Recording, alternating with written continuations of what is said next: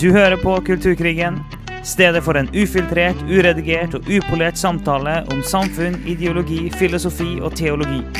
En podkast av og med Steinar Lofnes og Alf Kåre Dalsbø.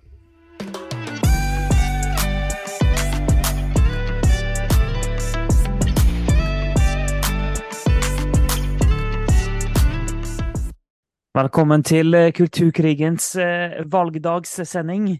Det er iallfall tatt opp på valgdagen, selv om det her kommer ut flere dager etterpå. Ja, så Vi får jo dessverre ikke muligheten til å påvirke folk veldig i forhold til eh, stemmingen og sånn. Men Nei. vi kan iallfall prate litt om liksom konseptet valg og, og masse ting rundt det. Og en av tingene er jo forhåndsstemming, for det at til og med om det hadde vært kommet ut på valgdagen, så hadde det jo egentlig vært altfor seint, det òg. Ja, det er sant. Det er sant. Det er For jeg har forhåndsstemt. For eh, lenge siden. Ja, det har jeg òg. Og faktisk Nå må jeg telle nummer fire.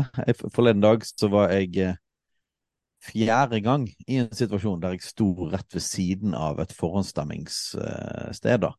eh, Etter jeg hadde stemt. Ja. Eh, så det var liksom bare følelsen av bare sånn Oi, nå kunne nå kunne jeg òg stemt. Mm. Ehm, og første gangen når jeg stemte, så var jeg bare på et kjøpesenter og skulle ta en heis. Og så snudde jeg meg, så så jeg å ja, fem meter eh, bortenfor meg så var det forhåndsstemming og ingen kø. Mm. Så det var jo fryktelig enkelt. Og eh, trenger jo ikke engang ha lommeboken med meg. Jeg bruker jo bare sånn Apple Pay overalt. Og på stemming så kan du til og med bruke digitalt førerkort, som jeg har. Så det er bare å svippe opp førerkortappen, og så stemme. Mm. Så jeg syns, jo det er fantastisk at det er blitt så enkelt å stemme i Norge. Og jeg tror det Tallene viser jo det, at dette har vært fryktelig effektivt. Ja, det det var det samme med meg òg. Altså, jeg, hadde, jeg hadde planlagt å stemme forhåndsstemme.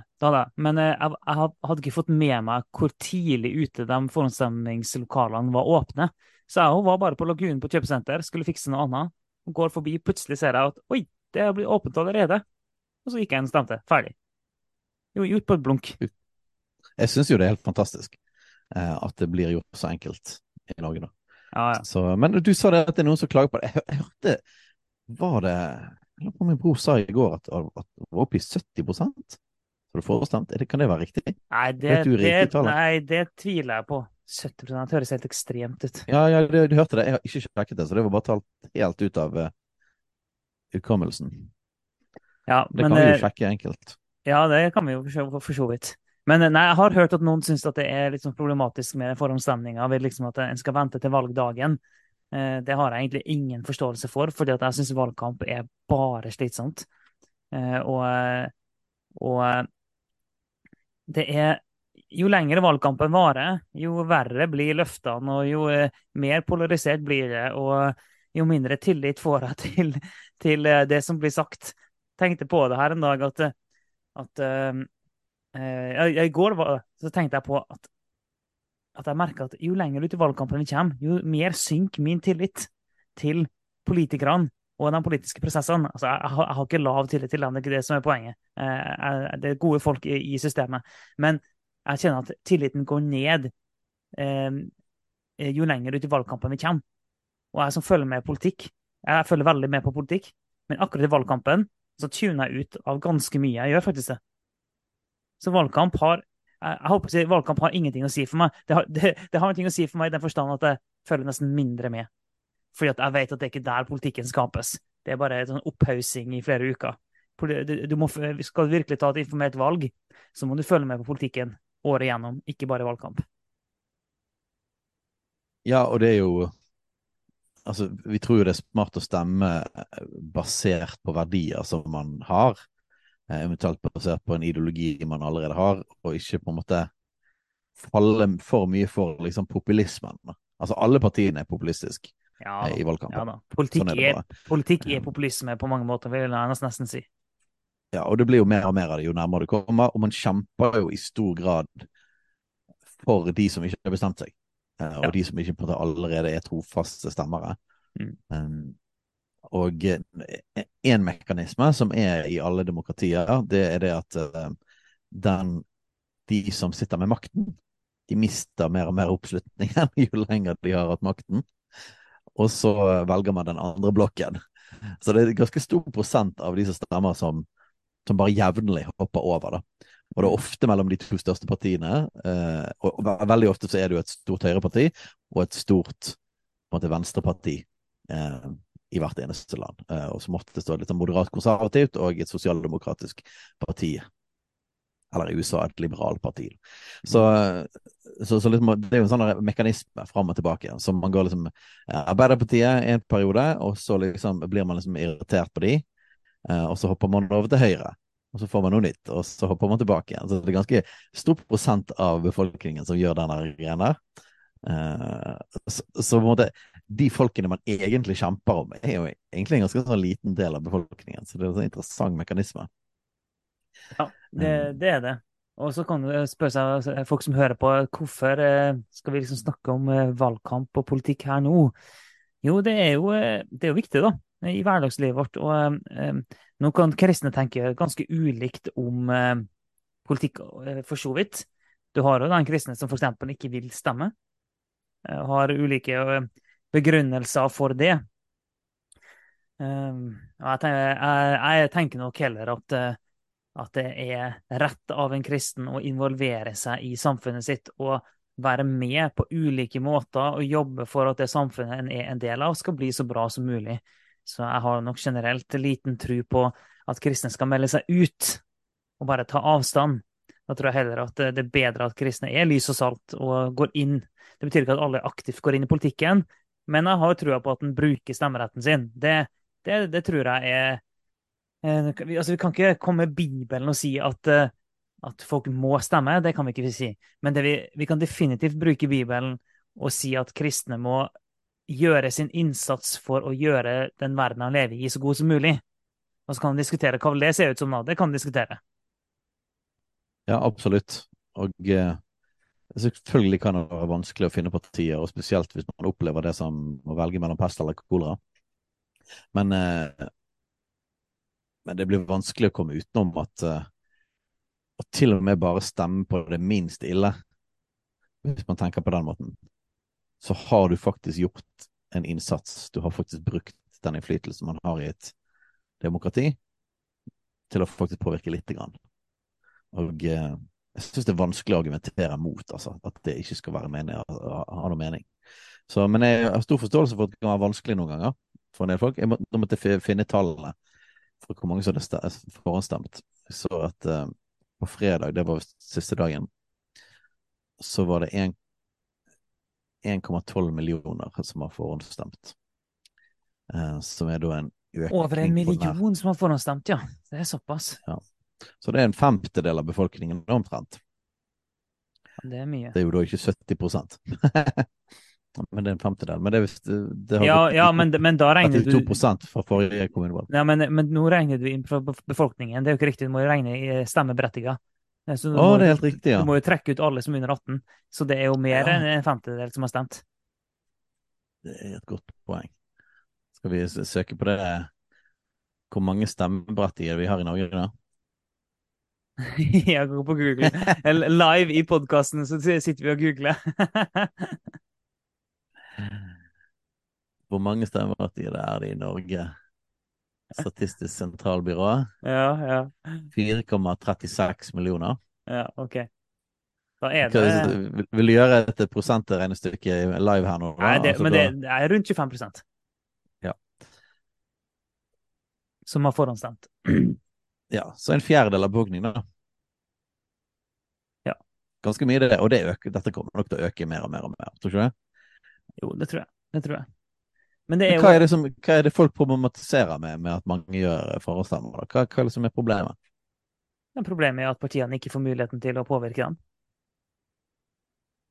Da, så er det partiene da, som syns det er dumt? Ja, Da er jo valgkampen bortkasta, hvis folk har stemt før valgkampen har begynt. Du får, mulighet, du, du, får, du får, muligheten til å eh, forhåndsstemme før valgkampen har kommet skikkelig i gang. Ja, og jeg syns det vil være utrolig positivt, egentlig, hvis det, hvis det gjør valgkampen mindre og mindre viktig. Og at egentlig ja. alt handler ja, ja. om politikk og ideologi og verdier gjennom hele året. Eh, ja, så enda bedre. det. Ja, det, det er jo jeg synes. fordi at, som sagt, at, at jeg blir blitt sliten av, eh, av den valgkampen. Men jeg, jeg, blir ikke sliten av politikk. Det blir jeg ikke sliten av. Og jeg vil mye heller at kristne eh, følger sånn noenlunde med på politikken, setter seg inn i partiprogrammene utenom valgkamp, og prøve å tenke kristent om politikk. Istedenfor å gjøre det sånn, i noen sånn heseblesende greier midt i valgkampen, så vil jeg mye heller at kristne eh, setter seg inn i politikken og prøver å tenke kristent om det her. Eh, og det kan nok være utfordrende for mange, for det er jo ikke sånn at eh, jo da, vi har Kristelig Folkeparti. Det betyr ikke at de nødvendigvis tenker kristent i ett og alt. Det er nok fortsatt i mange saker det beste alternativet. Det er det nok. Men det er jo ingen Eh, er jo ingen hemmelighet at, eh, at der òg så skjer det ting som vi eh, ja, mildt sagt syns er dumt, kan vi si. Det er klart det at, at Kristelig Folkeparti, som ble startet hva var, årstallet nå igjen, da? Det var på 20-tallet, var det sånn? 1920-tallet. Uh, og uh, 1933. Og 1933, ja. Og eh, det var i en annen kan du si det sånn kulturell eh, kamp, som blir kalt Kulturkampen, faktisk. Um, der det var en kamp mellom det sekulære og det religiøse, og, eh, og mange reagerte på en ja, sterkere sekularisering og samlet seg i Bergen og startet partiet Kristelig Folkeparti som en motvekt og jeg husker så den første, første logoen de hadde, det var et ganske tydelig kors. Um, så, så, det var jo på en måte hele Det er jo hele bakgrunnen til Kristelig Folkeparti. Og eh, man tror man må få lov til å kunne si det at eh, KrF har beveget seg mer og mer vekk ifra det. Mm. Um, og vi er jo urolig for det vi vil kalle en liberalisering i på en måte, ledelsen. Da de som leder i KrF sentralt nå. Så, men jeg syns egentlig det er lettere å forholde seg til KrF lokalt.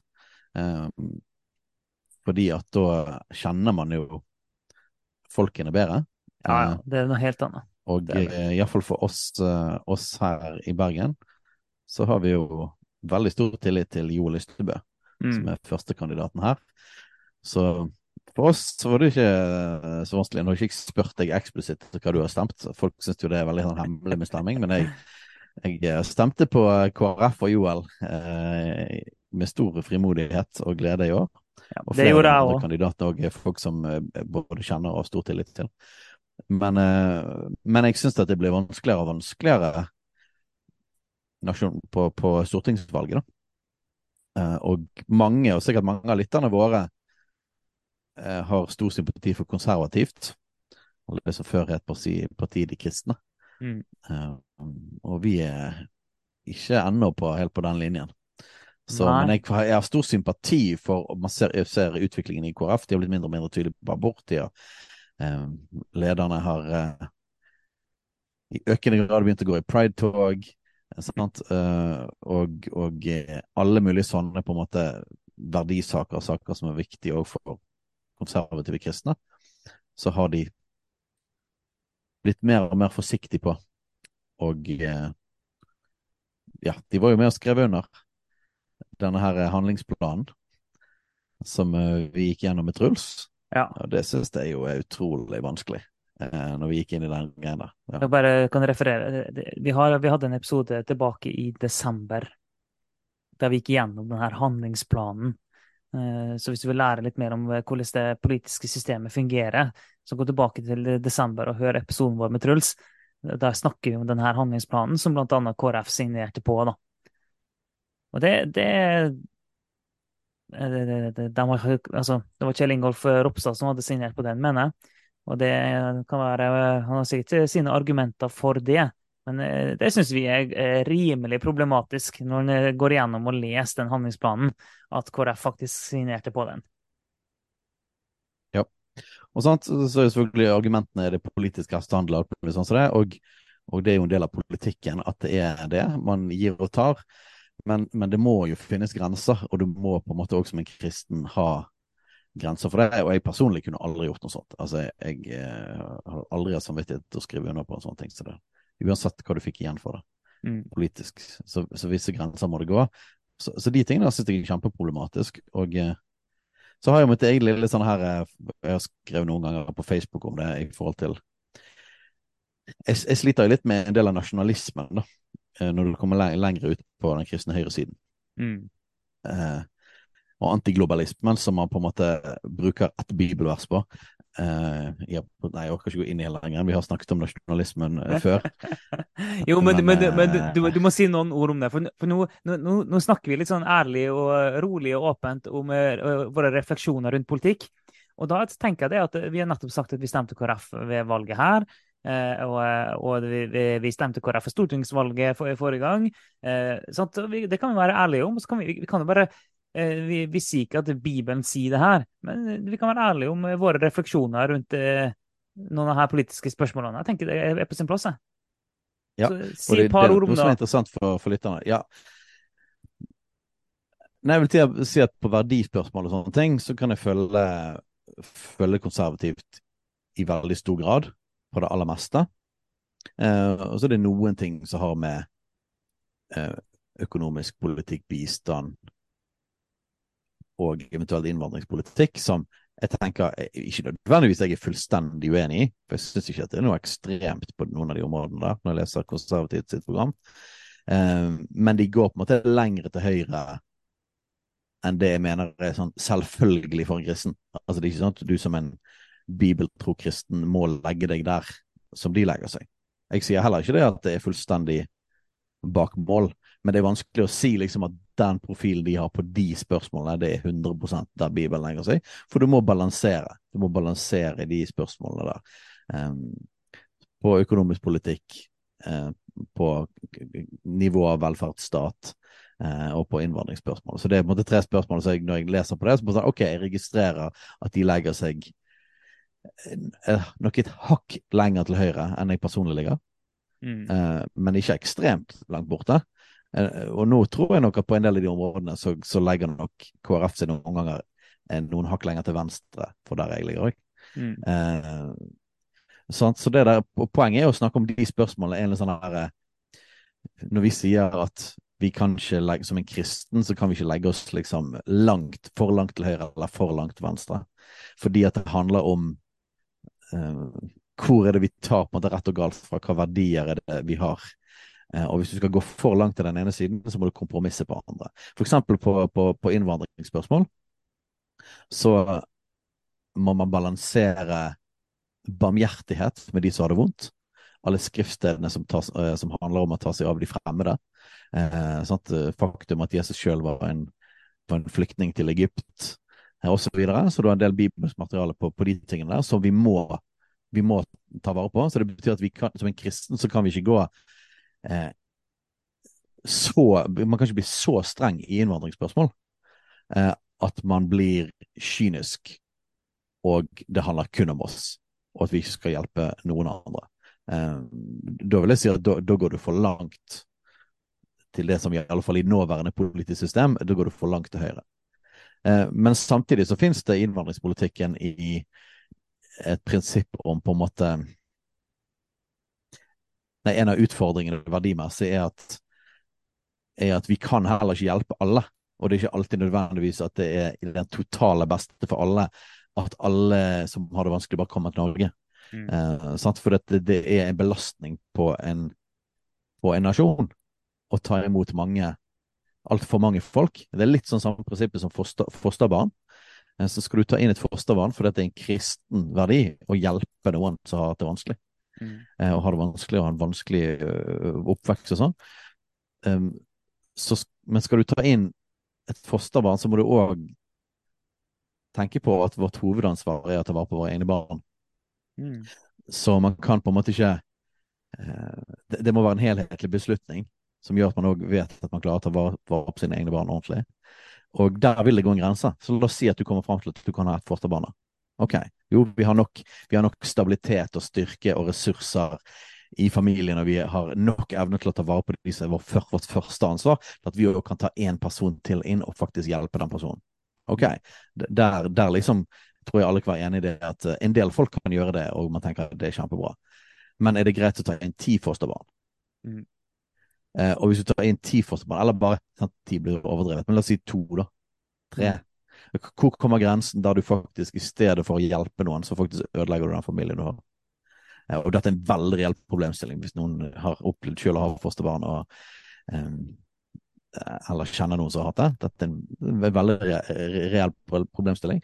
Så tar du inn masse folk som per definisjon har det vanskelig, for du flykter ikke til Norge og får opphold uten at du har det vanskelig på en eller annen måte. Så enten, enten i de tidene du har kunnet være økonomisk flyktning, eller at man kommer fra, fra land med undertrykkelse eller flyktninger fra krig, så kommer du per definisjon sant, og har masse behov. Og Norge er et land med masse ressurser, så vi kan ta vare på noen folk. Vi kan hjelpe noen folk. Men så, jo, så handler det om at klarer vi å ta vare på disse folkene ordentlig, sånn at de blir ordentlig godt integrert, og de får et godt liv, og de fungerer i samfunnet vårt. Eller ender du opp sånn som populært blir kalt svenske tilstander, mm. der man har tatt imot så mange uten å egentlig evne den kjempevanskelige jobben av integrering og hjelpe folk, og alt som skal til for at de skal fungere i samfunnet der du rett og slett begynner å ødelegge for ditt eget samfunn. Og får et kjempeproblem f.eks. med organisert kriminalitet, som er jo fra høyeste hold i Sverige blitt erkjent endelig, da. Eh, at de har et superproblem med organisert kriminalitet, og at de har de er, Jeg lurer på om de er høyest oppe i hele Europa på dødsfall ved skytevåpen og med bombinger og ting. Så? Eh, som er på en måte det landet som i utgangspunktet er likest Norge. Og dette har kun med innvandringspolitikk å gjøre. Eh, så hvorfor tar jeg denne lange runden? Nei, det er for, dette er jo for å hjelpe folk å, å eh, Når du skal vurdere parti, så handler det egentlig om verdiene under. Eh, og når du kommer til et spørsmål som, som, innvandring, så må du balansere da hva er bra for landet vårt, at vi har en gudgitt rett til å først ta vare på de nærmeste, eller en forpliktelse, og samtidig en forpliktelse til å ta vare på andre. Så hvor går balansen der? Så en mm. kristen kan ikke gå eh, Jeg mener at en kristen kan ikke gå helt til venstre eller helt til høyre på det. Hvis, du, hvis du går helt inn i sånn internasjonalisme på en måte, og bare sier jeg bare fri, åpne grenser fullstendig, så, så, så, så, synder vi mot prinsippet om at vi har først og fremst ansvar for vår egen familie og de som er rundt oss. Jeg må tenke både nasjonalt og globalt. Det, det er litt sånn med kristen tenkning, det ser vi igjen, igjen, igjen og igjen. At det, kristen tenkning er ikke på den ene eller andre sida. Det, det, som er noe av det sentrale i eh, kristen tenkning, er nettopp det at det, en har flere sannheter samtidig, som en holder opp i sin fulle styrke. Og så er det det som former det. Eh, I det øyeblikket det en, en legger alt trykket inn på én side, da blir det ubalansert. Men du må tørre på en måte å holde ting oppe i sin fulle styrke. da. Eh, det, det, er sånn en kjemper med ting på en, eh, på en bibelsk måte. Og det er eh, jeg har, jeg har stemt KrF hele veien, i alle valg til nå, etter at jeg fikk stemmerett. Og, og jeg, men jeg syns det er Det blir vanskeligere og vanskeligere for meg. Det skal jeg innrømme. Og det er pga. retningen som partiet tar. Og, og, det er ikke sånn at vi kan få et parti som treffer oss helt perfekt. Og vi vil ikke få, få parti som har Bibelen som partiprogram og sånne ting. Nei da, det forstår vi. Så i politikken så handler det egentlig om om å, velge det minst dårlige, ikke om å velge det beste. Det er egentlig det som er situasjonen vår. Um, men jeg, jeg, argumenterte lenge overfor meg sjøl at uh, jeg stemmer KrF. Uh, ikke for at jeg er nødvendigvis er enig i alt her, men Eh, de har lyst til å, um, å, å avskaffe abort. Det, bare sånn, den alene var nok for meg. Mm. Det alene. Det var nok. Ja, men så, så, lenge det finnes et parti som vil det, så får de min stemme. Punktum. Det var nok for meg. Den ene saken der. Eh, nå er ikke det tilfellet lenger. Eh, på nasjonalt plan, i alle fall. Eh, vi vet at Joel Lystebø er jo et, et, unntak der, sånn sett. Um, men eh, på nasjonalplan så er det iallfall ikke tilfellet lenger. Så nå ønsker en ikke lenger å, å bli kvitt abort. En vil bare redusere aborttallene, men en vil holde på eh, dagens abort. Ja, har, de, har, de, gått for det offisielt i KrF nå, eller var det på KFU? Ja, det, skal, jeg ikke si helt sikkert, men, eh, men, retningen er veldig tydelig, da. Hvor hen de kommer ja, til å lande. Ja, bare for at vi skal ha alt på det rene, så vi ikke får ja. Eh, jeg, jeg, er villig, jeg, er villig, til å, jeg er villig til å vedde, en hundrelapp på hvor hen det lander. eh, basert på utviklingen de siste årene. Absolutt. Det, kan, det, ja, ja, det har vært veldig tydelig at de har gått den veien. Men det er vel KrFU som, der det var en sånn, de, en sånn konkret kamp om det, der de tok, der de Ja tok de vekk. Ja? Eh, Men, men når, når jeg får spørsmål om det, så det er bare å se og høre, det er bare å lese og høre hva de svarer, den som leder. Ja. Så ser du hva vei det går. Eh, Så det har gjort at det, er stadig, jeg syns det blir stadig vanskeligere. Eh, For at, eh, OK, da, da har jeg ingen parti som har den saken lenger. Og det, det er litt som du, du sier, det er opplevelsen av at KrF beveger seg litt for mye til venstre for min del. Konservativt beveger seg litt for mye til høyre for min del. Jeg har aldri stemt konservativt. Jeg har i utgangspunktet ingen, ingen plan om å gjøre det heller. Det er, mange, det er fine folk der, for all del. Men, men jeg, jeg, jeg kjenner på det at det, det ligger opplevelsen at det ligger litt for langt unna, unna meg. Så det er helt sikkert lyttere her som, som stemmer konservativt. Uh, og målet er ikke en uh, ikke argumentere hardt for det ene eller det andre, men mer at det, nå har vi bare en sånn en, eh, en ufiltrert refleksjon om politikk i Norge. Det er det vi har nå. Og det, og det nyttig, og det er nyttig å snakke om hvorfor, hvorfor vi gjør det ene og hvorfor det andre. Et stort element har jo òg vært gjennomslagskraft, på en måte. Altså å bruke stemmen sin på et parti som kan få gjennom ting. Og, og det, det har jo vært et, et stort argument òg for å stemme KrF i mange år. Der de Ja, veldig ofte har ligget i vippeposisjon og har fått innflytelse som egentlig er mer enn størrelsen på partiet.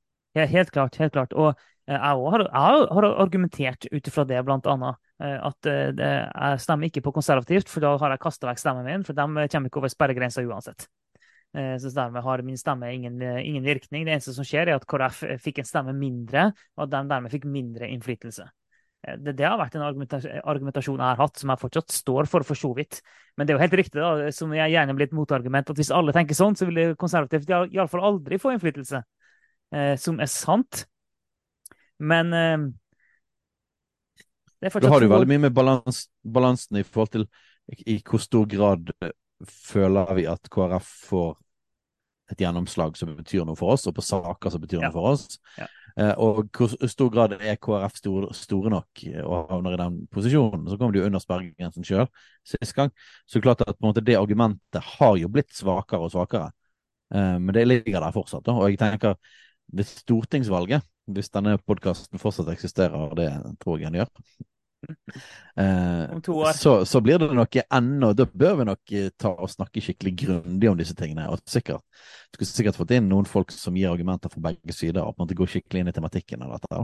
Skal, skal, vi, skal vi sånn halvveis love her og nå at, at hvis vi fortsatt holder gående om to år, så, som vi har planer om, så skal, skal vi ta en sånn eh, i, eh, I oppkjøringa mot valget skal vi gå gjennom hele greia. Vi får se. Det hadde vært gøy å gå gjennom alle partiene Ja, ja. eh, og partiprogrammene deres, sånn det. Det, det, det kunne vært bra.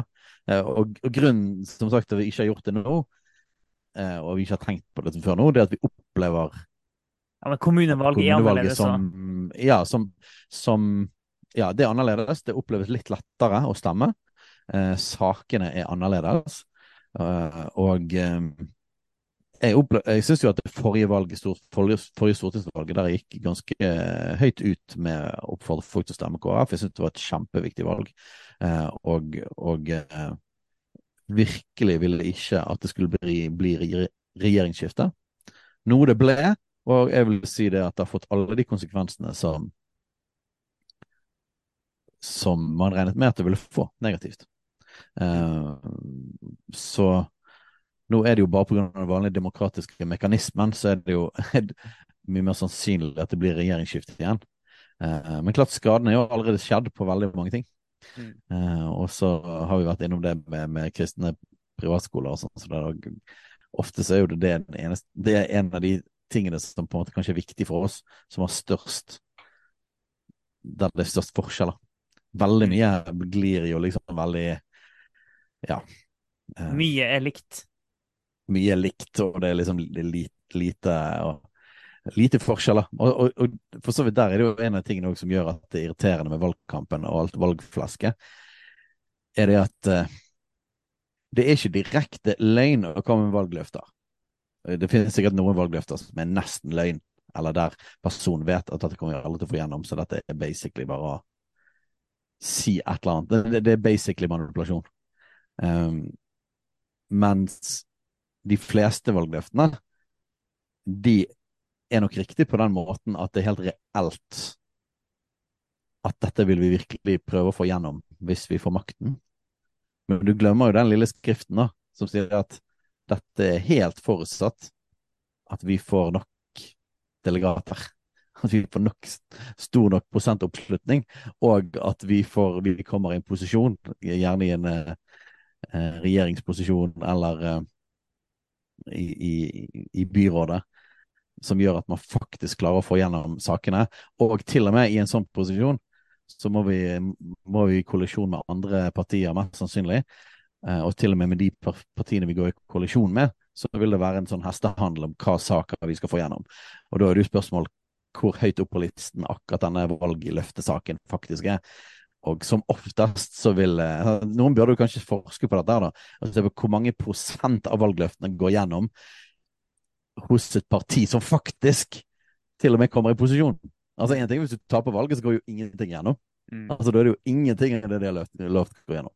Men vi, til og med om du kommer i posisjon, så skal det faktisk gjennom ganske mange prosesser før du kommer ut på andre siden og at det blir realitet. Altså, og, og det, det, er problemet med, med, med, valgkampen, at det kommer så mange sånne ting.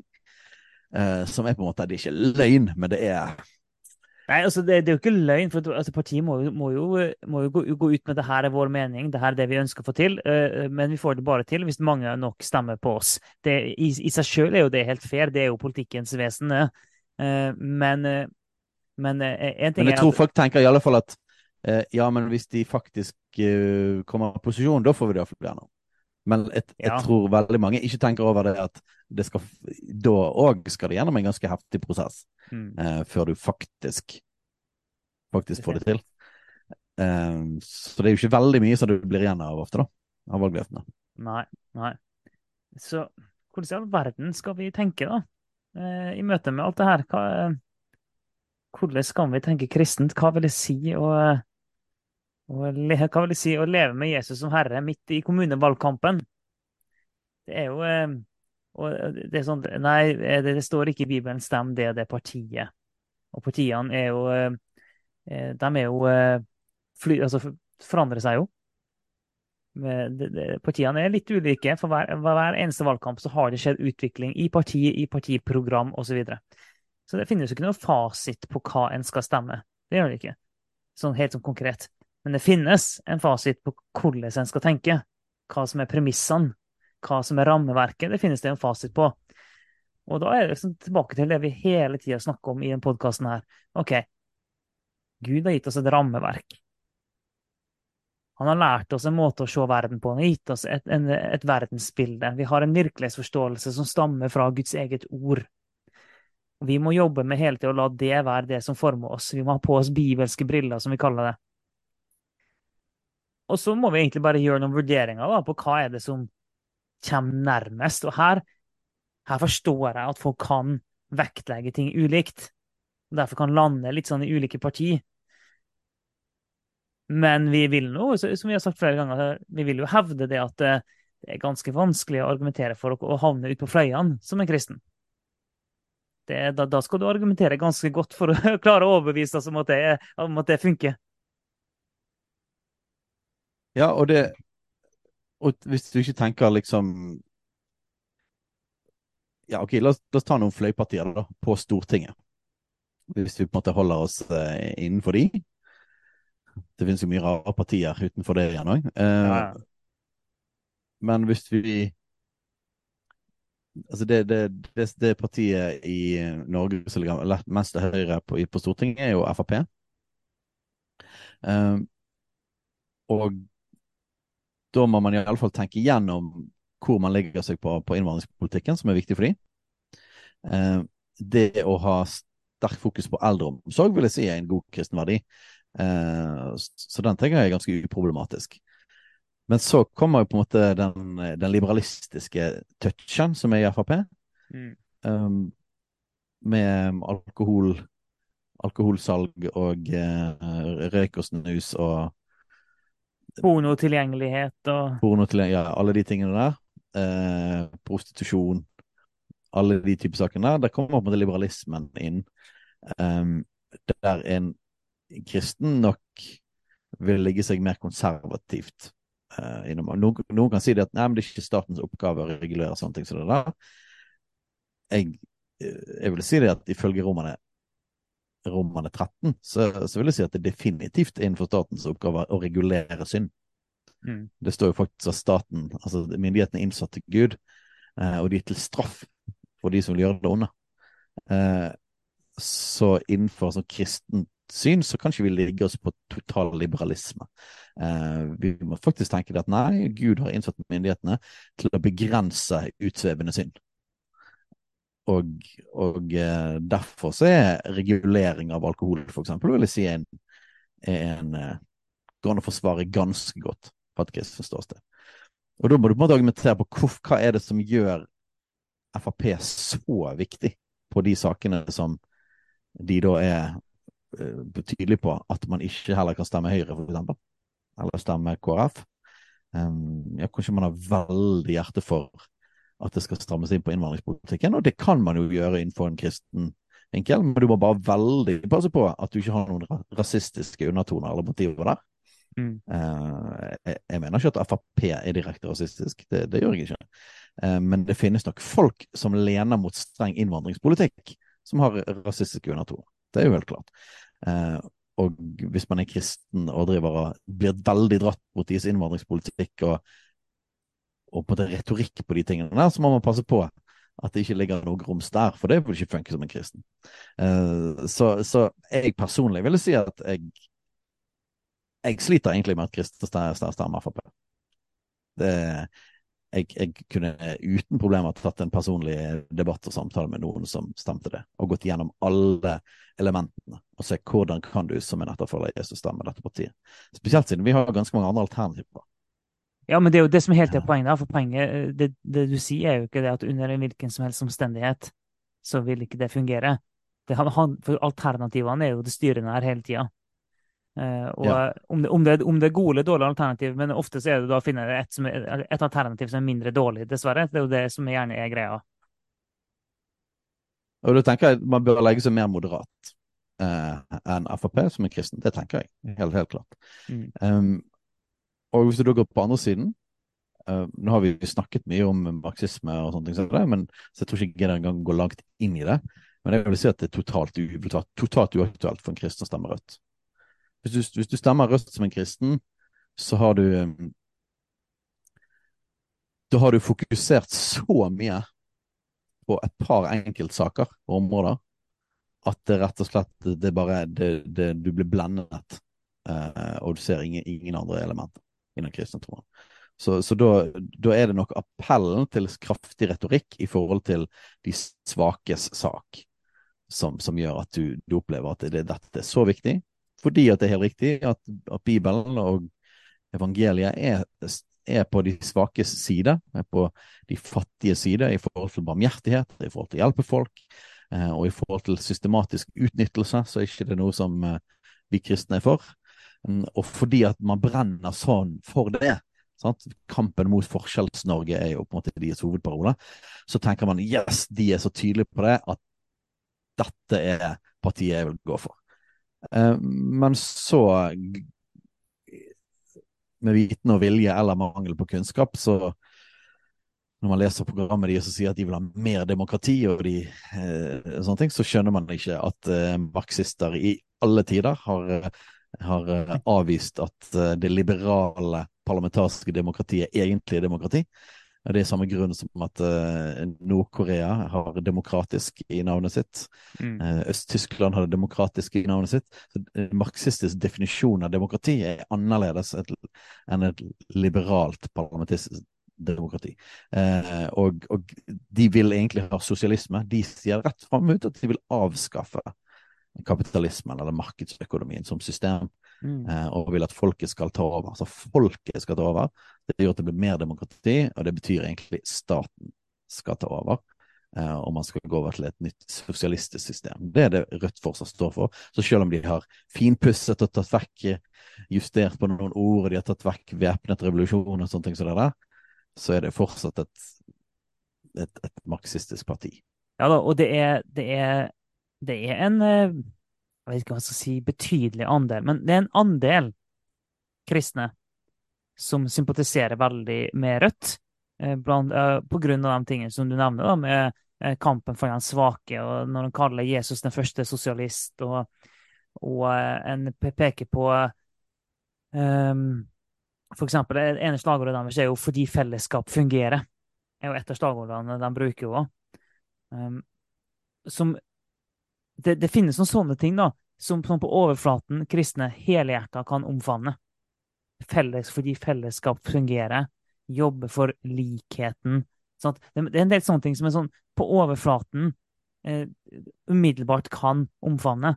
Men, men, i, i, det øyeblikket, ja. men i, i, det øyeblikket en går litt lenger inn i ting og ser hva er egentlig premissene som ligger under, hva er egentlig verdensbildet her, så vil en ganske kjapt oppdage at eh, det krasjer ganske, i ganske stor grad da, med det Bibelen gir oss.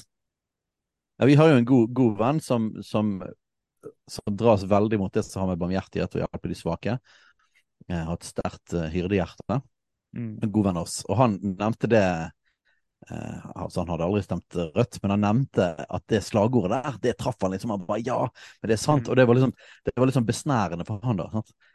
men det er sånn fordi fellesskap fungerer. Hva fellesskap er det de snakker om, da? Mm. Ja, ja. Det, er det, det, er jo ikke det kristne fellesskapet. Nei, men det er akkurat det. Sånn, For, for det er jo forskjellige definisjoner. Det høres så fint å, ja, å, vi er nære, og det er fellesskap og familie. Nei, nei, nei, nei for man, man, har ikke tro på kjernefamilien. Den bibelske definisjonen av kjernefamilien. Det er ikke fellesskapet. Det kristne fellesskapet er det ganske skeptisk til. Eh, nei, det er jo staten, det er fellesskapet. Det er mm. staten, det er folket. Uh, så, så, det er noen sånne veldig fine ord som demokrati og som fellesskap. Eh, Men det er staten, staten, staten. det, det, er staten, staten, staten. Eh, og det er å, å, å styrte, styrte det systemet vi har nå. Eh, det er fortsatt det de står for. Og i dagen kom jo med uh, Det var vel forrige uke. Hun er kristen og listet opp for Rødt. Jeg vil være der for mennesker som faller utenfor. Og akkurat den fall, være der for mennesker som faller utenfor, kjempebra. Det er en god kristen verdi. Resten av systemet eh, veldig problematisk. Og, og, selv om at det å ta vare på de fattige er en verdi, så er det bare sånn herre Jo, men det finnes masse andre partier som tror på det òg. Ja. Og jeg syns det, det, er fascinerende at man på en måte vil kaste seg inn i sosialistenes armer bare fordi at de, har, de, de, brenner for det. Men vi har masse partier i Norge som brenner for de svake. Og KrF har en veldig sterk sosial profil. Eh, så, så, hvorfor vil man liksom Hvorfor vil man sluke hele pakken av det Rødt står for? Eh, og hvis du da tar alle mulige sånne kulturkrigssaker hvis man syns det er viktig med ekteskapet mellom mann og kvinne, man syns det er viktig med kjernefamilien, at det er, barn, det er foreldrenes ansvar å oppdra barna sine, hvis man mener at det er viktig å holde på at det er bare en mann og en kvinne, det er Guds skaperordning, at det er mann og kvinne som kan være gift, og at sex er mellom mann og kvinne i ekteskapet, og alle sånne ting, så er jo ikke Rødt partiet å stemme. Eh, Rødt er jo aggressivt imot alle tingene. Hvis du, hvis du tror på forskjellen på mann og kvinne, at vi er skapt forskjellig, mm. eh, og er skeptisk til en, eh, en kraftig feminisme, så er heller ikke Rødt partiet å stemme. Så så det, måte, det, blir å ta en enkeltsak, sånn som man ofte det, det, er det man gjør da, må gjøre hvis du skal legge det på fløypartiene. Så må du ta én eller to enkeltsaker, eller elementer av det de står for, og så må du på en måte bare kaste alt det andre på båten fordi du brenner for det. Men som en kristen vil jeg si at vi har et ansvar for å tenke helhetlig.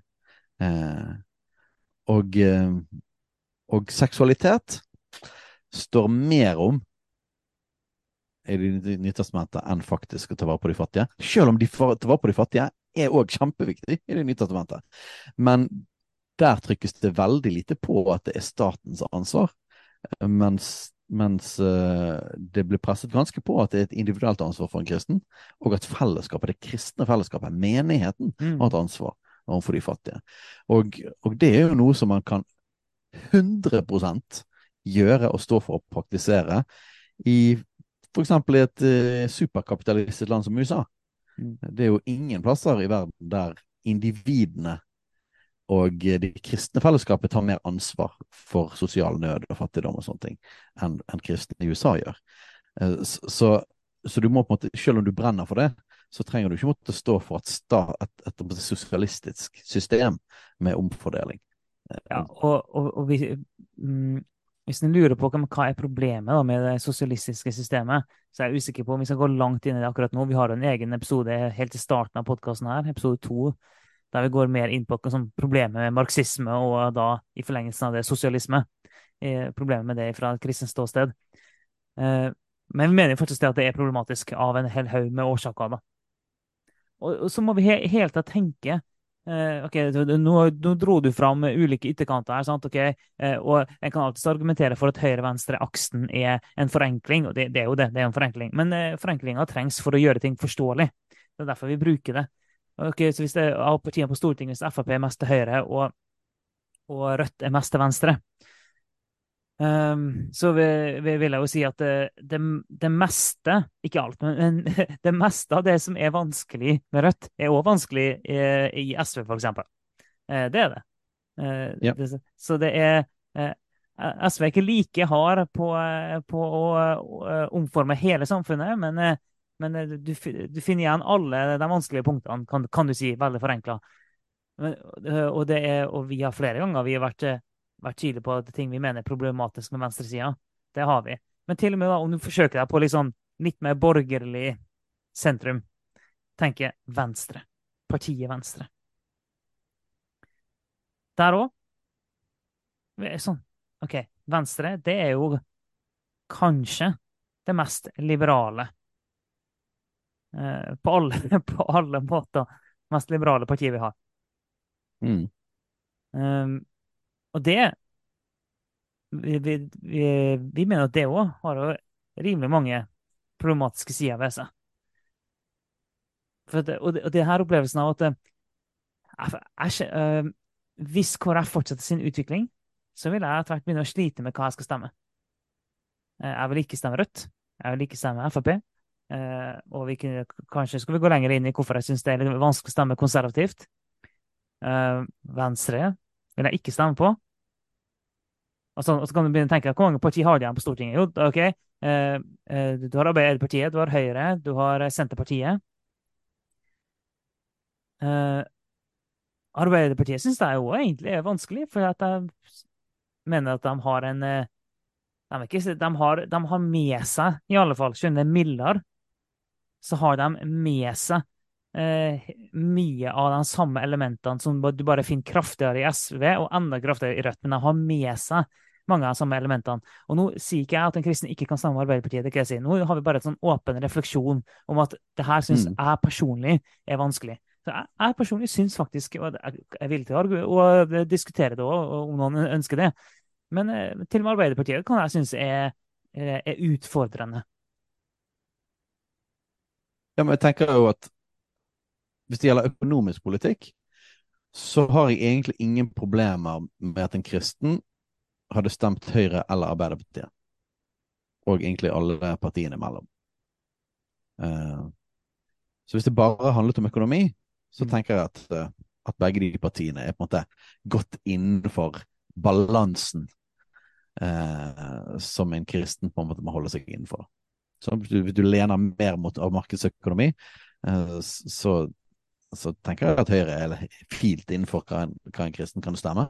Um, og hvis du lener deg mer mot sterk stat og velferd, eh, så er Arbeiderpartiet òg fint innenfor det jeg tenker en kristen kan, kan, stå for når det gjelder økonomi og staten og sånne ting. Det er ikke en totalt omveltning, og de ligger egentlig ikke fryktelig langt fra hverandre heller, eh, hvis du tenker sånn internasjonalt. Men problemet kommer jo med en gang vi begynner å snakke om trosfrihet og kristne verdier. Igjen ekteskap, seksualitet, abort. Eh, sagt, Arbeiderpartiet har jo definitivt vært en, en primus motor i forhold til abort i Norge, eh, og fortsatt er det.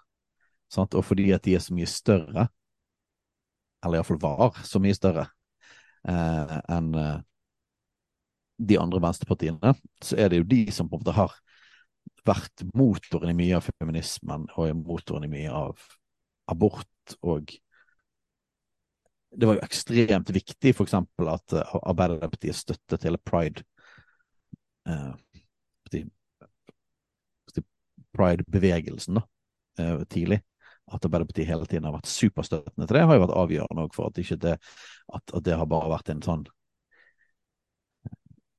ytter, ytterliggående sak som bare de mer ekstreme partiene har støttet. Men at liksom hele denne sosialdemokratiske blokken har har vært i stor støtte til alle disse kulturkrigtingene.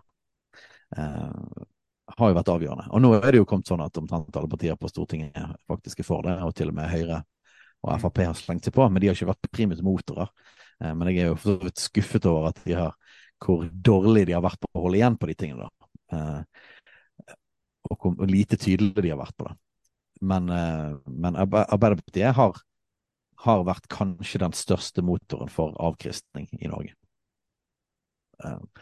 Det, så, så, det er ikke økonomien, det er ikke liksom betydningen for arbeiderbevegelsen og LO og alle de tingene. Altså, det, er ikke, det, er ikke, det, er ikke, der jeg har noen problemer som kristen. Men det er, det er, at de har vært en kjempestor motor for det, og fortsatt er det. Um, ja. Hvis du bare tar eh, Nå har vi hatt uh, Arbeiderpartistyre sammen med Senterpartiet i to år. Og vi visste at det kom til å bli forandring. Eh, etter de åtte årene vi hadde eh, med Erna Solberg.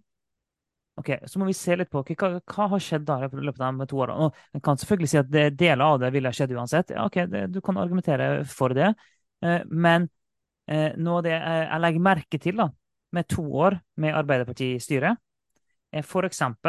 den aggressiviteten som Arbeiderpartiet gjentatte ganger viser mot både kristne og en del kristne verdier.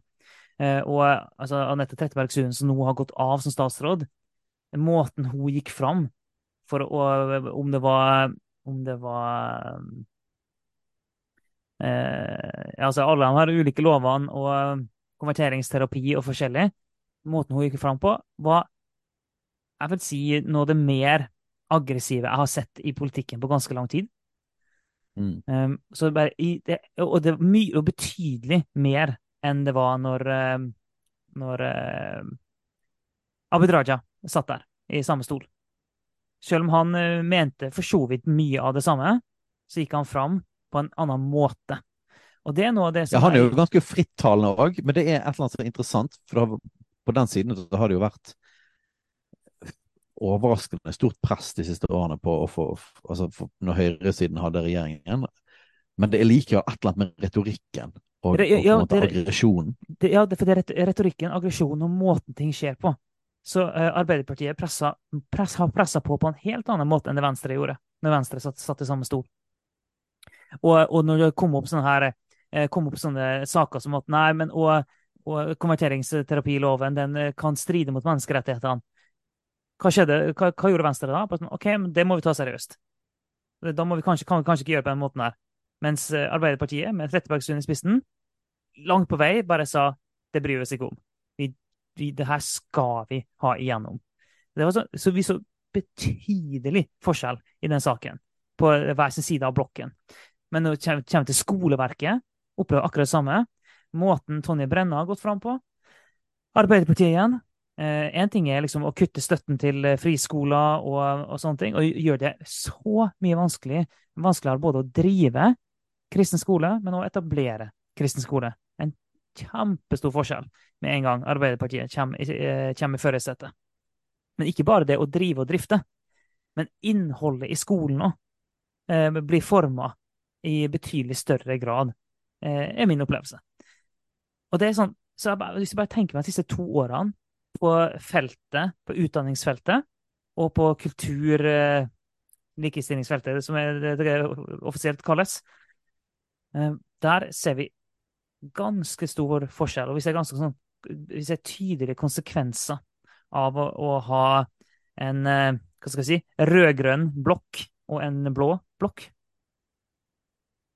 Ja, og, og, det er flere sånne saker. Rusomsorgen er et eksempel på det hvordan man har Altså, det har jo, det har jo vært si, bevist i lang tid at kristen rusomsorg har vært den mest effektive. Eh, men det har vært ført en ganske aggressiv politikk i forhold til i forhold til støtten som f.eks. Evangeliesenteret og andre kristne lignende senter for avrusning og sånne ting. Uh, og de har fått det vanskeligere og vanskeligere, og det er strengere, strengere regler for uh, hvordan de, de, må drive da, for å fortsatt få støtte. Uh, og det har med ideologi å gjøre. Det har med en innebygd skepsis, som man òg har i Arbeiderpartiet, altså, og selvfølgelig òg lenger til venstre, men i Arbeiderpartiet òg en, en, skepsis mot det private, en skepsis mot eh, kristen frivillige eller kristne organisasjoner at driver disse tingene, og en hang til å det, dra det inn mot staten, dra det inn i det offentlige. Sånn at Arbeiderpartiet ønsker en stor, sterk stat. Eh, de vil ikke gå like langt som SV eller, eller som Rødt, men de ønsker en stor, sterk stat. og, og når du skal veie Ja, øh, øh, øh, jeg tenkte på dette med Åh, oh, jeg glemte begrepet for Altså de som har med bar, barn å gjøre. Barnevernet. Ja. Eh, så det er òg helt klart at Arbeiderpartiet lener seg mye mer i retning av at staten skal ha mer makt inn i familien. Mm. Ja, eh, så, så, mindre autonomi for foreldre, mer makt til staten. Og noen ganger mener vi at liksom, de er ekstreme på alle disse tingene, men de vipper den veien. Så de er noen, hele tiden noen hakk lenger på alle disse sakene som er viktige verdier. Det oppleves som at de, de, de, de, lener alltid for langt andre veien. Ja, og, og det er sånn, enn det som eh, kristne syns er behagelig. Og, og, her er ikke poenget å si at derfor må vi stemme Høyre, liksom. Det er ikke det som er poenget. Og, og i Høyre har sine utfordringer, dem òg. Men, eh, men, eh, men, det er, oppleves likevel lettere Eh, for, for meg, som en, som en, kristen, i måten Høyre går fram på, enn det Arbeiderpartiet går fram på. Og det her kan forandre seg. Det her er ikke sånn eh, fasit for at eh, sånn vil det være de neste 50 årene. Det, selvfølgelig kan det forandre seg. Det her, det her er et øyeblikksbilde. Sånn er det akkurat nå. Det er det vi snakker om. Og, og, ja, men det har jo noe med ideologi å gjøre òg. Ja, altså, den sosialdemokratiske ja, ja. ideologien er jo annerledes enn den på en måte eh, konservativ slash eh, liberale ideologien på dette. Ja, det er den. Og, det, og, du ser konsekvensen av det. Nå kan jo det òg forandre seg. Sånn det, det, det, er litt bare det som er poenget mitt. da. At eh, et, ja. et, parti kan gå, kan gå, stadig lenger vekk fra sitt ideologiske grunnlag. Bare se på KrF, for. Sånn eh, ja. så, så, et parti kan gå alle veier, sånn sett, i teorien. Så det er ikke en fasit. Og jeg vil jo si sånn at, at, jeg vil si at Høyre har gått lenger og lenger vekk fra, fra konservatismen. Mm. Og fremstår for meg som et mer, og mer liberalt parti. Og, og eh, de, er jo frykt, de er jo mye mer sosialdemokratisk enn det en del andre konservative partier er rundt omkring i verden. Eh, så, det er jo på en måte, så det er helt klart at her er det mulig å bevege seg. Men, men sånn ideologisk sett så vil det jo skal mye til at du skal klare å bli like kraftig som Arbeiderpartiet, eller som sosialdemokratisk parti, på statens involvering i familie i forhold til skole. Altså, da har du måte forandret hele Da kunne du like gjerne slått sammen av uh, Arbeiderpartiet og Høyre, da. At de kunne vært en slags sånn sentrumsblokk. Mm -hmm. eh, som en slags blanding av begge de to tingene. Eh, men, men eh, ideologisk sett så vil det nok være et hakk mer forståelse for det frivillige, hakk mer forståelse for, for menighetsliv, hakk mer forståelse for autonomi i familien. Eh, eh, på konservativ side. Sånn er det bare. Det er, en del av, en del av ideologien at man ikke vil involvere seg så mye. Men jeg er likevel skuffet over Høyres utvikling til, til å bli mer og mer liberalt. Og spesielt på disse kulturkrigsområdene så de har blitt svakere og svakere og svakere. Eh, ja, og, og det, det, det, konservative elementet i Høyre er jo det som eh, Nå forenkler jeg veldig her, da, men det, det, er jo på mange måter det som skiller dem fra Venstre. Sånn at, mm. så, som har gjort at det, det, er enklere å finne seg et hjem i Høyre eh, enn det er i, i Venstre eh, for en kristen, vil jeg tørre å påstå. Eh, men, det, men det, det, har sine utfordringer. altså Alle ting her har sine utfordringer. Så tar vi Senterpartiet, da, for eksempel. Nå har vi litt sånn, Uten at vi hadde planlagt det, nå, i praksis så går vi gjennom alle partier her. ja, vi gjør det. Men ta Senterpartiet, da. Nå, nå styrer jo Senterpartiet sammen med Arbeiderpartiet. Det skaper utfordringer i seg sjøl. Eh, så en stemme til Senterpartiet blir dermed òg en stemme til Arbeiderpartiet. For at du ser selv om eh, Og det her Eh, Senterpartiet har definitivt en del ting som jeg sympatiserer med. En ting skal, eh, Ta distriktspolitikken. da. Jeg vokste på bygda. Jeg, er, jeg innrømmer det. Jeg er svak for distriktspolitikk. Det betyr ikke at jeg er enig i alt. og det, det, det, Jeg er ikke enig i all distriktspolitikk, men jeg er svak for det. Det innrømmer jeg. Jeg kjenner at det treffer et romantisk sted i hjertet mitt. All, altså Distriktspolitikk det treffer meg på et sånt ømt punkt. Så jeg, jeg, jeg er Det er litt sånn som kanskje innstilt. sosialismen kan, kan treffe på et ømt punkt for noen som er Ja, sant. sant. Jo, jo, det, det er Eh, sikkert, sikkert ja. litt samme det er sikkert litt samme eh, dynamikk. Så eh, jeg, jeg kjenner at jeg, jeg har et ømt punkt da, for distriktspolitikk. Jeg har det. Eh, Uten at jeg er nødvendigvis er enig i alle den politi distriktspolitikken som føres. Men um, det er jo én ting, da, det, akkurat det der. Men Senterpartiet er jo egentlig ganske tydelig på, f.eks. i det her med i debatten om kjønn. Du har, og, du har noen av de mest tydelige politikerne i Mm. den debatten har det kommet fra Senterpartiet. Altså Jenny Klinge, for eksempel, var jo krystallklar på det finnes bare to kjønn. Så, og, så uh, på en del sånne uh, ting så er, så er det noen gode, solide krefter i Senterpartiet som vi eh, For de har jo noen konservative elementer, egentlig. Ja, ja. Eh, ja, Og det ligger vel nok litt i at det er også et distriktsparti, og tidligere Bondepartiet. Og de ligger i sentrum. at, De, er de, er de er ikke på venstresida, de ligger i sentrum. Så jeg, jeg husker, sant, vi var jo vant, jeg var jo vant med litt tidligere, sant, fra, fra 90-tallet, på en måte disse sentrumskoalisjonene. Så jeg, synes, jeg var litt overrasket når, når eh, Senterpartiet valgte den siden, da, Mm. eh, og ble en del av den blokken. Jeg synes det var skuffende. Um, men det er jo fordi at de har en del konservative elementer som ligger litt naturlig i å være et distriktparti. Det har alltid vært de store byene som har vært, vært de progressive og primus motor, både på liberalisering, men også på, men også på eh, sånne ting som sosialisme, marxisme og eh, forskjellige kulturkrigsspørsmål og ting som kommer fra universitetene. Det, er alltid, det er alltid de store byene som har gått i front på de tingene der, Mm. mens, mens bygdene har både holdt litt mer igjen, men òg stått for mer litt sånn herre Ja, gammeldagse verdier på en del ting. Som da ofte da vil fa- sammenfalle. Sant? Det vil jo gjøre det i alle situasjoner, i alle land, i alle kulturer. Eh, men, men i Norge og vår situasjon betyr det at kristne verdier står sterkere på bygden. Og, eh, og det påvirker òg um, Senterpartiet, eh, helt naturlig, og gjør at vi har eh, så på tross av distriktspolitikk, så er det på en måte mye lettere å ha positive følelser for Senterpartiet som er kristen, enn for f.eks. For, for Arbeiderpartiet. For det har noe med historien. Hvor er, det man kom, hvor er det verdisystemet? Hvor man kommer fra? Hvem er det som har fightet for avkristning, og hvem er det som på en måte egentlig har vært støttespillere til, til kristne verdier? Ja, og Senterpartiet oppleves ikke som, eh, eh, som aggressiv på den måten som Arbeiderpartiet gjør. Men det er jo, det er jo likevel skuffende da, hvor, eh, hvor mye gjennomslag Arbeiderpartiet har fått når de har regjert sammen med Senterpartiet, og de egentlig er så uenige i en del ting som f.eks. handler om det med kjønn. De er egentlig helt uenige. Og så likevel så har Arbeiderpartilinja på en måte vunnet fram omtrent 100 Jeg tror, tror ikke du har mye med at, at hovedsakene for Senterpartiet er ikke verdisaker. Jo, det kan du si. men hovedsaken er distriktspolitikk.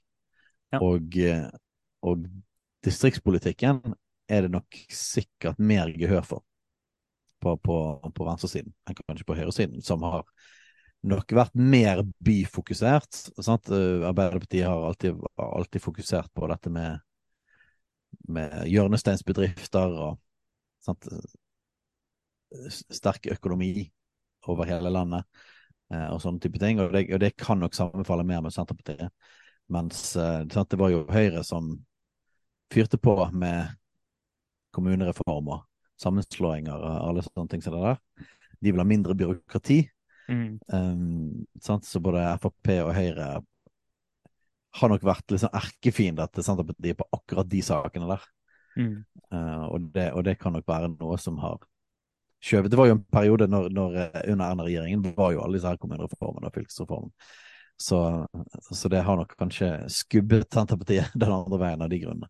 Ja. Og vi skal si at I Bibelen så er det ingen sånne, vi har ingen sånne sterke bibelske argumenter for, for, eh, for eller mot kommune- og fylkessammenslåinger. Nei, nei. Den blir Eh, vanskelig å ta teolo teologisk. ja, det, det, det er en del sånne ting som er, blir vanskelig å ta eh, rent sånn teologisk. Det er det. Eh, så det handler mer om eh, rammene som settes. Altså innholdet inni der. Da får en bare diskutere seg fram til hva han tror er beste løsning.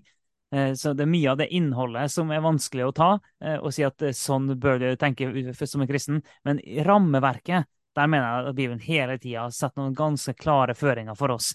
Og da er det, mener jeg da, det er vanskelig å komme unna at jeg, vil si ikke det at det, at det er en en stengt dør for venstresida i all framtid.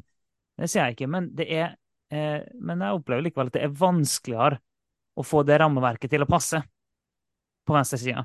For å si det på en veldig sånn mild og diplomatisk måte. Ja, men de må jo bli De må jo gjøre et brudd med historien sin, da, og plutselig bli veldig Og med ideologien sin. De må jo Eh, et brudd med ideologien Ja, sin. det blir veldig positivt til kristne, kristne verdier, og på det som har med familie og seksualitet og alle de tingene der å gjøre. Mm. Eh, og til eh, menighet og kristne organisasjoner og de tingene. Og sannsynlighet for at venstresiden kommer til å bli mer eh, positive til det, det Det er nok veldig liten, av. Mm. Så, så det, det skal mye til. Så det, Eh. det, men det, hvis vi skal følge vår egen logikk her nå, da, sitter vi da igjen med Hvis vi skal tenke, Hva skal vi stemme? Det er nå fortsatt to år til det stortings, stortingsvalget, så vi får se når vi kommer dit. Men eh, sier vi da at det vi sitter igjen med, det er eh, Vi vurderer fortsatt eh, eh, konservativt. Nei, vi er ikke helt der. Eh, vi vurderer om vi vil stemme Kraft på nytt. jeg er ikke helt sikker.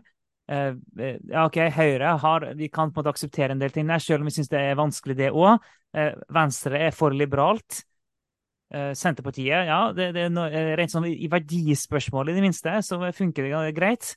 Men eh, det vil samtidig være en stemme til Arbeiderpartiet. Så da er vi tilbake til at eh, si, Ja, har- si, vi nå Ja, Sentrum er jo ikke et parti som er på Stortinget, men eh, det ligger jo innimellom der. Men sentrum re- re- representerer jo egentlig bare lenger vekk fra Lengre i den retningen som KrF går, som vi ikke Ja, ja, liker. ja. Eh, Partiet, er partiet sentrum er, partiet sentrum eh, det her er min forenkling. Altså, jeg påstår ikke at det her er fasit. Min forenkling er at eh, partiet sentrum det er bare KrF eh, helt til venstre og konservativt til KrF helt til høyre. Det, det er min forenkling. ja, men sant, det, det som er største forskjellen på konservativt og KrF, er eh, ut, hvis du tar vekk disse verdispørsmålene, som, eh, som konservativt er mye tydeligere på, er jo at KrF ligger mye mer mye mer til venstre når det gjelder eh, innvandring, bistand Ja. og økonomisk politikk. Mm. Eh, og KrF er vel et skikkelig sentrumsparti da, når det gjelder på økonomi. Eh, og de når det gjelder innvandring, så, så er de vel mer til altså, Ligger de ganske til venstre, vil jeg tippe. Jeg lurer meg på Nå, nå jeg er litt på tynn is her, eh, men Arbeiderpartiet har jo strammet ganske mye inn på innvandring, og jeg lurer meg på om KrF faktisk ligger til venstre i hermetegn for Arbeiderpartiet når det gjelder innvandringspolitikk. Eh, og når det gjelder bistand, så er det jo ingen som er så kraftig som KrF. Ja, ja. Det er big deal. Um, Så, så der er det jo en enorm avstand, da, vil jeg si, på konservativ til KrF. Altså Mm. akkurat når det gjelder økonomisk politikk og innvandring og de tingene der. Um, så Men jeg tror jo for en kristen, så hva, hva alternativer har vi da? Ja, men, Jeg tenker at KrF er det, best, er det største og beste alternativet foreløpig, fordi at de Noen vil mene at de har gått altfor langt. Jeg har stor respekt for det. Um, Mm. Men jeg personlig mener at ok, jeg, av, alle, av alle onder, og fordi at uh, vi i alle fall kjenner en del skikkelig gode folk i partisystemet fortsatt, som kjemper for ting som vi står for, så vil jeg tenke at, at de er det beste alternativet, og de har historisk sett hatt mest positiv innflytelse på politikken. Uh, men de henger i en tynn tråd. Eh, og så, har jeg stor forståelse for de som stemmer konservativt, fordi at de er mye tydeligere på alle mulige verdispørsmål. Eh, og for de som da ligger lenger til høyre enn kanskje meg og deg gjør, i forhold til både innvandring, globalisme og eh, økonomisk politikk. Um, så har ikke noen problemer med det sånn sett, men, men vi fortsatt er usikker på det, men jeg har stor forståelse for at kristne stemmer det. Eh, spesielt sånn som KrF har vært i siste Og så Høyre, da, tenker jeg sånn derre Ja, det er iallfall ikke det er ikke, De har iallfall ikke vært en kraft for avkristning. Eh, og siden de er det andre svære partiet i Norge, så er jo det et parti med innflytelse. Så Sånn sett så er det på en måte det er et parti å stemme på hvis du vil skifte regjering. Altså hvis, det er som et slags anti-Arbeiderparti, da.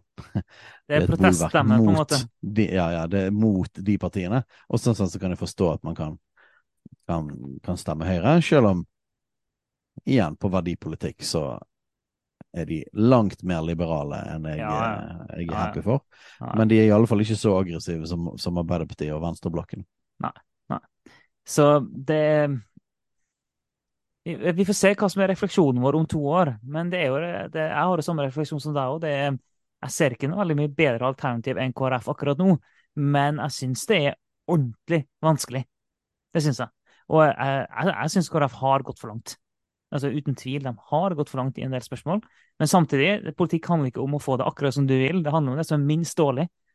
Eh, og da er det fortsatt, eh, i mitt hode, så er nok KrF fortsatt minst dårlig. Men hvis de kommer under sperregrensa igjen, da, da, er, da snakker vi om det med å kaste vekk stemmene. sant?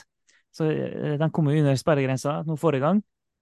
Hvis KrF kommer under sperregrensa igjen, da begynner jeg å få trøbbel også. eh, Med hva, hva jeg skal stemme. Så, eh, så jeg syns det er ordentlig vanskelig. Men det er jo de her refleksjonene som vi har hatt nå, da. Det er dem vi vi snakker, vi snakker masse om det, både jeg og du og i vår gjeng. Så diskuterer vi jo de her tingene her. Så det er Helt eh, rett fram enkelt er det ikke, men eh, det skal bli interessant å se om to år. Jeg vil bare slenge inn en liten sånn eh, em, I forhold til når vi snakker om venstresida. Fordi eh, Mimir Kristiansand, som er, representant for Rødt, jeg syns jo han er, er ganske morsom. Jeg syns han er en sånn eh, en herlig, herlig befriende type. En kan si veldig mye om den fyren der, men eh, jeg hører på podkasten hans òg. Um, han, er, er, han, han er jo veldig positiv, faktisk, til kristne. Eh, Og nå for to episoder tilbake i hans egen podkast så, så, så fortalte han om hvordan han har besøkt sånn ulike sånn, eh, kristne initiativ og, og avrustning og diverse og sånn. Og han, eh, og han, har, han har vært ute i aviser flere, flere ganger og, og forsvart kristnes rett til å tro på det og det, og, og så. Så han er jo en liten sånn outlier, da, kan du si, selv om han fortsatt står for et ideologisk tankegods som vi er helt uenig i. Så syns jeg han er en befriende karakter på venstresida. Selv om jeg står ganske langt unna han politisk, da. Det, han sier jo sjøl at han er kommunist. Det, det er iallfall ikke jeg. Absolutt. Og det hjelper jo veldig med, med folk med karisma, og som ikke har denne aggressive fremtoningen som venstresiden har vært kjent for I, i noen hundre år. Et par Mm. hundre år. Så, så det er klart at det, det, det får mye poeng for. Han, han er jo mer en som søker å bygge bro eh, inn imot det kristne, enn å på en måte krige mot, da. Eh, og det, det er veldig kjekt. Det er klart at, at folk, likende folk, da, uansett hva parti de kommer fra, er jo, er jo gjør jo at du får en mer positiv feeling. Men på utfordringen med Rødt er det at uh, Mimir er, er nok i mindretall når det gjelder den fremtoningen. Altså, han, han, har, han, han får jo jevnlig trøbbel i eget parti. ja, så det er ikke liksom Han har ikke klart å forandre hele profilen på partiet, for å si det sånn. Så. nei, nei. Uh, glad hadde han blitt eh, leder på partiet, hadde vært interessant. Han, uh, jeg, jeg, ja. Altså, jeg hadde aldri stemt på, på Rødt uansett. Det, det, det er ikke det jeg sier. Jeg bare sier at det er liksom befriende. For han, han er ikke aggressiv på den måten det oppleves som at det går an å snakke med han, da, selv om vi står veldig langt unna hverandre rent politisk. Ja. Og eh, når det gjelder konservativt, nå er det jo Nå har ikke jeg eh, satt så mye inn på om det er noen endringer i fokus eller eh, i partiprogrammet i forhold til når de skiftet navn. Men det kan være at de har endret profilen bitte litt. Eh, men jeg, jeg skulle jo egentlig svare på noe jeg ikke svarte på, akkurat som en eh, god politiker i, i valgkampen. Mm. For jeg skulle jo egentlig si noe om, om det som hadde med nasjonalismen å gjøre. Og så gikk jeg inn i et annet eksempel som Ja. om ve- veiing og innvandringspolitikk og sånn som det. Men det har jo vært liksom Jeg tror- to hoved sånne ankepunkt mot konservativt for meg har jo vært eh, mangel på innflytelse eh, som nummer én, og nummer to har vært at, at eh, jeg, de har gått lenger på nasjonalismen enn jeg personlig syns det er komfortabelt. Eh, og jeg syns at vi bør legge, ligge oss lenger til sentrum som kristne, da. Eh, og eh, det ene bibelverset folk kommer med ofte når det gjelder på en måte nasjonalstaten og grensene og sånn, det er fra Paulus tale i Aten på Areopagos. Der sier han at Gud satte, satte grensene for folkene og nasjonene og sånne ting. Så det, da. Eh, noe som jeg tror på som et prinsipp. Jeg tror vi har snakket gjennom det en gang tidligere òg. Men, eh, men vi må jo huske det at nasjonalstaten er jo en veldig ny oppfinnelse. Mm. Og, eh, og hvis vi tar utgangspunkt i nasjonalstaten og nasjonalismen som noe veldig kristent, så må vi jo huske hvor kort historie hele den forståelsen har, og hvor, kort historie hele den strukturen har. Stort sett hele historien har, vært, har det vært imperier, eller, eller mer sånn stamme- og høvdingsamfunn. Ofte så har det vært enten eller. Du har imperiene, og så har du de som er utenfor. Og de som er utenfor, er heller ikke nasjonalstater. De har, de har mer vært så små sånne høvdingsamfunn, sånn som Norge òg var før samlingen av Norge. Da sant? Da var det hord, hordene i Hordaland sant? med sine så, småkonger overalt. Jarler og, og diverse. Um, og og uh, ingen av de modellene der er nasjonalstaten. Og at det finnes, at det finnes noe som handler om orden, som har med grenser å gjøre, og at det kanskje kan være smart å organisere oss der det er noenlunde lik, like språk og lik kultur og sånne ting Så det, er og at det ikke går for langt ut, um, det kan se, jeg er helt med på at det er smart. Men å sette klare grenser for hvor akkurat akkurat hva, hvor det skal gå, det er veldig vanskelig. For grensene har jo forandret seg overalt hele tiden. Mm. Uh, og hvor skal du liksom sette akkurat tidspunktet for det? Nå er det Altså, all nasjonal historie har jo masse konstruksjon i seg, da. Vi har jo snakket om sosial konstruksjon tidligere. Mm. Men, men vi konstruerer jo nasjonale narrativer, og vi bevisst innfører et språk eh, og lager fellesspråken din. Og, og har du 17. mai og har du fellesspråk en god stund, så føler man seg som en, som en nasjon. Men det er klart at det har vært bevisst konstruert gjennom hele historien, sånne varianter av, av, av, av si, nasjonal identitet, eller identitet til et imperium.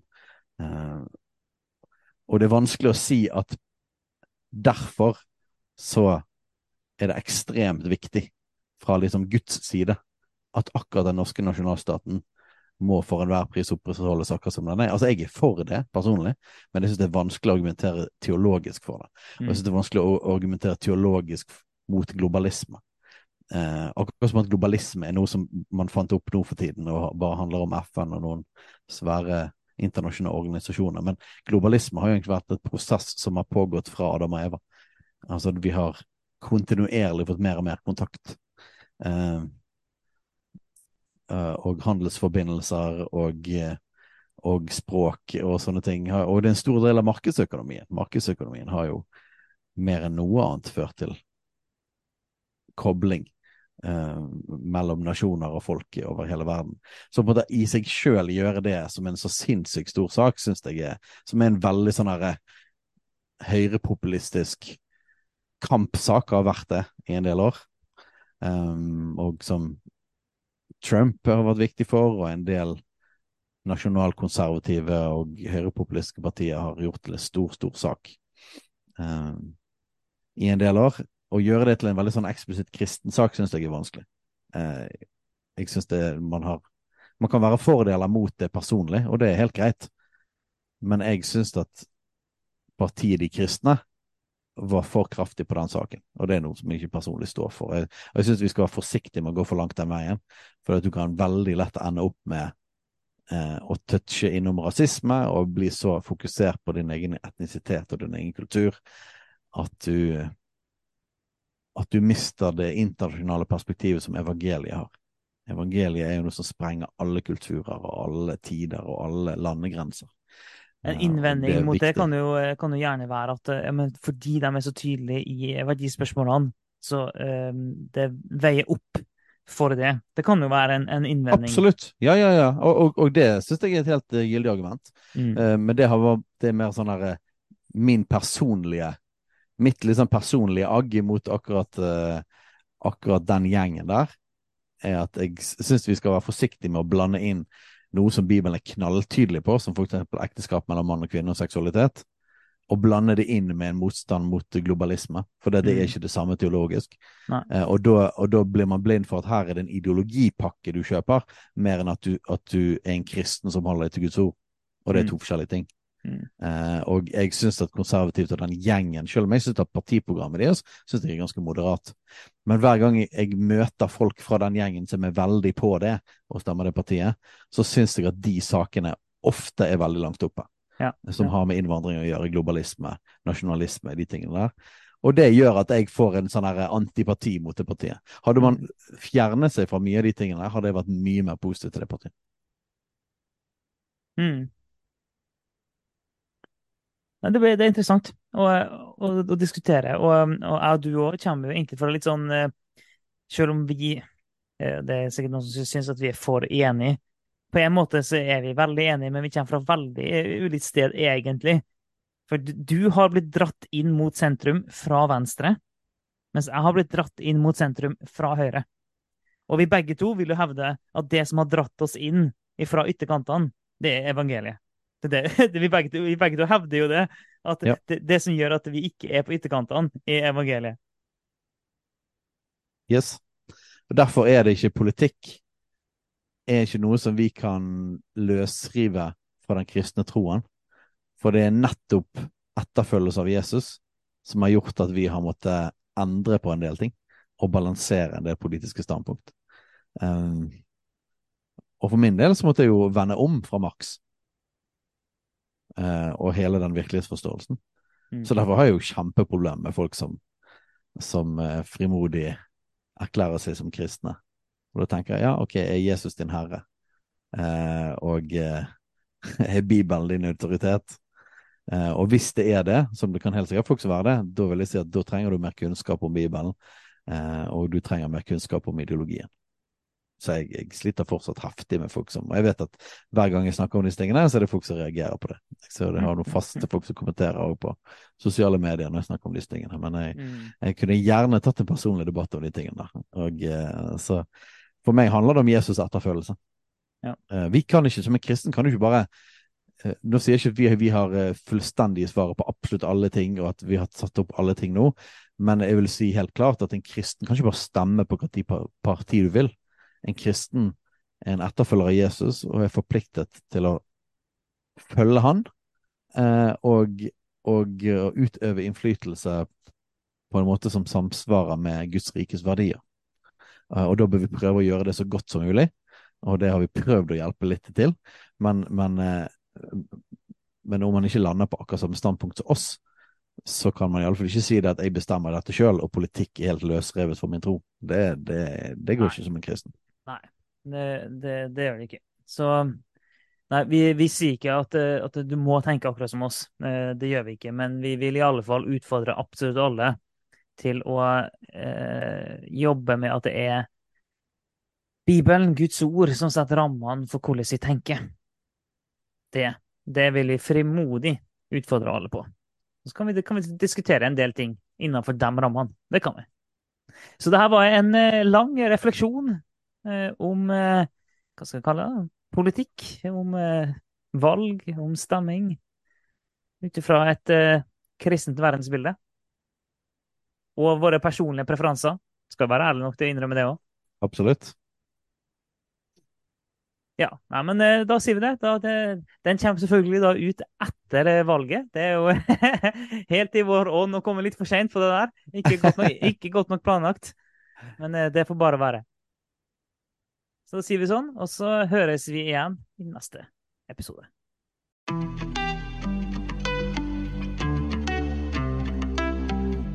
Takk for at du lytter på Kulturkrigen. Om du har tilbakemeldinger, spørsmål, hva som helst, egentlig. Send inn til postalfakrøllkulturkrigen.no eller på sosiale medier.